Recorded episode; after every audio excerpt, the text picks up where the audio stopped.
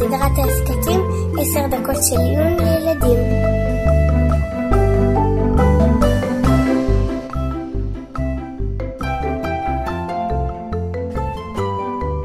אבא, תוכל לעזור לי?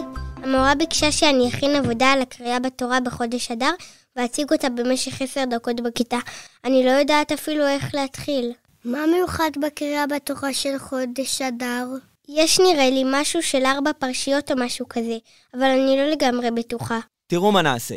אני צריך לצאת רגע, וכבר חוזר. בינתיים, תתחילו ללמוד ביחד את המשנה הזו. ראש חודש אדר שחל להיות בשבת קוראים בפרשת שקלים. בשנייה זכור, בשלישית פרה אדומה, ברביעית החודש הזה לכם. לא הבנתי, אנחנו בספר שמות. אין פרשת שקלים בספר שמות. נכון, כנראה מדובר כאן על פרשיות מיוחדות שקורים בחודש אדר, בשבת הראשונה, השנייה, השלישית והרביעית. נראה לי שזו תוספת לקריאה הרגילה של פרשת השבוע. לפי מה שזכור לי, יש דבר כזה בחגים ואירועים מיוחדים. אבא, השבת קוראים את פרשת השבוע או את פרשת שקלים. אה, אני רואה שכבר התחלתם להעמיק במשנה, מצוין. באמת, מפשט המשנה אפשר להבין, וכנראה שכך גם חלק מעם ישראל נהג בעבר, שבשבתות של חודש אדר, מהשבת שלפני ראש חודש ועד לראש חודש ניסן, היו קוראים את הפרשיות המיוחדות הללו בתורה במקום הקריאה בתורה הרגילה. אבל היום המנהג של כל עם ישראל הוא שמסיימים את כל התורה בשנה אחת, ולכן ממשיכים להתקדם ולקרוא בתורה גם בשבתות האלו את הקריאה בתורה הרגילה, אבל מוסיפים אליה בסוף, בעליית המפטיר, את הקריאות המיוחדות הללו. מה זה מפטיר? בכל שבת עולים לתורה שבעה עולים. מחלקים את הקריאה של הפרשה לשבעה חלקים, חלק אחד לכל עולה. בסיום הקריאה עולה מפטיר, העולה השמיני, שהוא גם זה שקורא את ההפטרה. ההפטרה זה קטע מדברי הנביאים, שיש לו איזשהו קשר לפרשת השבוע. בשבת רגילה, בעליית המפטיר קוראים שוב את הפסוקים האחרונים של פרשת השבוע, ואחר כך קוראים את ההפטרה של הפרשה. אבל בחגים וגם בארבע השבתות המיוחדות שלמדתם עליהם במשנה, המפטיר קורא קריאה מיוחדת ממקום אחר בתורה, שהוא לא חלק מפרשת השבוע, אלא פסוקים שקשורים לאירוע המיוחד של אותה שבת. ואחר כך הוא גם קורא את ההפטרה שלא קשורה אל פרשת השבוע, אלא קשורה לנושא של עליית המפטיר. בארבע השבתות שמתחילות בסמוך לראש חודש אדר, או בראש חודש אדר עצמו, בעליית המפטיר קוראים את הקריאות המיוחדות שהמשנה דיברה עליהן. זה קשור גם לזה שמוציאים שני ספרי תורה? בטח, בגלל שבעליית המפטיר קוראים קריאה שהיא ממקום אחר בתורה, ולא רק חוזרים על הפסוקים האחרונים של הפרשה, אז מוציאים ספר תורה אחר, שבו יקראו את הקריאה המיוחדת, כדי שהציבור לא יצטרך לחכות עד שיגללו את ספר התורה מהמקום של פרשת השבוע למקום של הקריאה המיוחדת של המפטיר. ויש גם דבר מיוחד עוד יותר. לפעמים קורה שמוציאים שלושה ספרי תורה. בכל השנה, אם ראש חודש יוצא בשבת, קוראים בעליית המפטיר קריאה מיוחדת לכבוד ראש חודש, חוץ מפרשת השבוע. אז אם ראש חודש אדר יוצא בשבת, מוציאים ספר אחד לפרשת השבוע, ספר שני לכבוד ראש חודש, וספר שלישי לכבוד הקריאה המיוחדת של פרשת שקלים, שאותה קוראים בראש חודש אדר. אותו דבר אם ראש חודש ניסן יוצא בשבת. אז קוראים את פרשת החודש בספר נפרד, בנוסף לקריאה של ראש חודש ולקריאה של פרשת השבוע. לא הבנתי. מה ההבדל בין הקריאה של ראש חודש לבין הקריאה של פרשת החודש? בואו באמת נסביר מה הנושא של כל אחת מהקריאות המיוחדות. הראשונה, פרשת שקלים, עוסקת במצווה על כל אחד מעם ישראל לתת פעם בשנה מחצית השקל לבית המקדש. מהכסף שכל העם נותן למקדש, קונים קורבנות ציבור. ואת הכסף הזה גבו מהציבור במהלך חודש אדר לקראת השנה החדשה, שלגבי עניינים שונים במקדש, התחילה בחודש ניסן. לכן בתחילת אדר כבר משמיעים, זאת אומרת, מכריזים על השקלים ומזכירים לכולם על המצווה החשובה שעומדת להגיע. אז היום אמנם אין לנו מקדש ולא גובים מחצית השקל, אבל ממשיכים לקיים את התקנה של חכמים לקרוא את פרשת שקלים זכר למחצית השקל.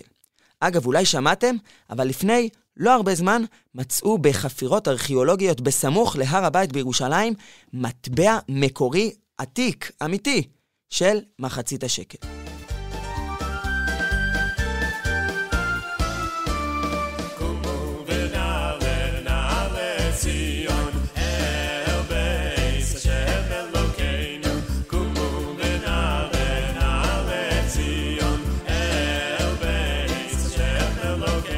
הקריאה השנייה, פרשת זכור. זכור את אשר עשה לך עמלק. את הקריאה הזו אנחנו קוראים בשבת שסמוכה לפורים. לפי הרבה פוסקים, בקריאה הזו מקיימים את המצווה לזכור את מעשה עמלק, ולכן גם מי שלא תמיד מגיע לקריאה בתורה בבית הכנסת בשבת רגילה, מקפיד בדרך כלל להגיע במיוחד לקריאת זכור. אחר כך יש פרה אדומה. קריאת פרשת פרה אדומה עוסקת בדינים של טומאת מת, והאופן שבו נטהרים מטומאת מת, באמצעות אפר פרה אדומה. אולי יש לכם איזה רעיון למה חשוב לקראת סוף חודש אדר לדבר על פרה אדומה וטומאת מת? אולי בגלל שפסח מתקרב. נכון מאוד. בפסח כל עם ישראל אמור לעלות לרגל ולהקריב קורבן פסח. מי שיהיה טמא לא יוכל להשתתף במצווה. זה לוקח זמן להיטהר מטומאת מת, ולכן צריך להזכיר לאנשים מספיק זמן מראש את ההלכות והדינים, וכך מי שטמא ידאג להיטהר, ומי שכבר טהור יתחיל להיזהר יותר לא להיטמא. בימינו שאין לנו אפר פרה אדומה, הקריאה הזו היא גם סוג של תפילה שנזכה לחזור ולהיטהר לקראת העלייה לירושלים בשלושת הרגלים. עם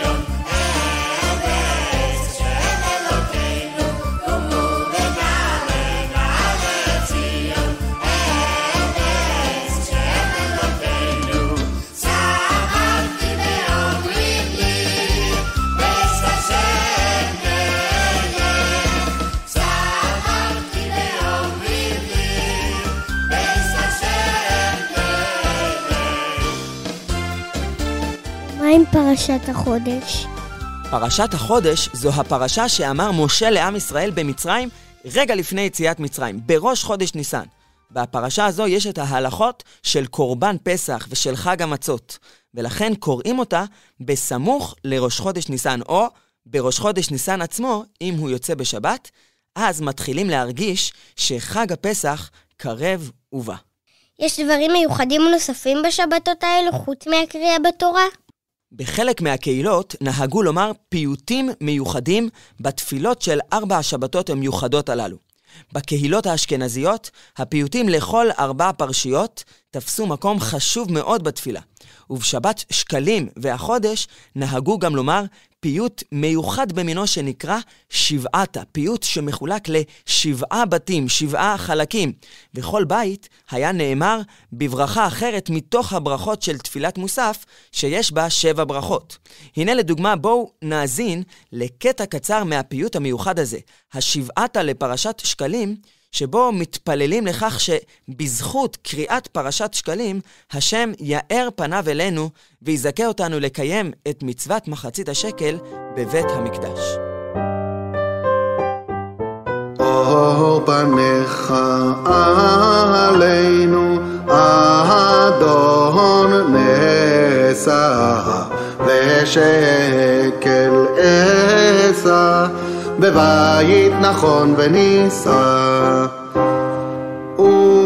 ובצדק הגערך, כי תישא, ותגיב לנו בטובך, אל רם ונישא.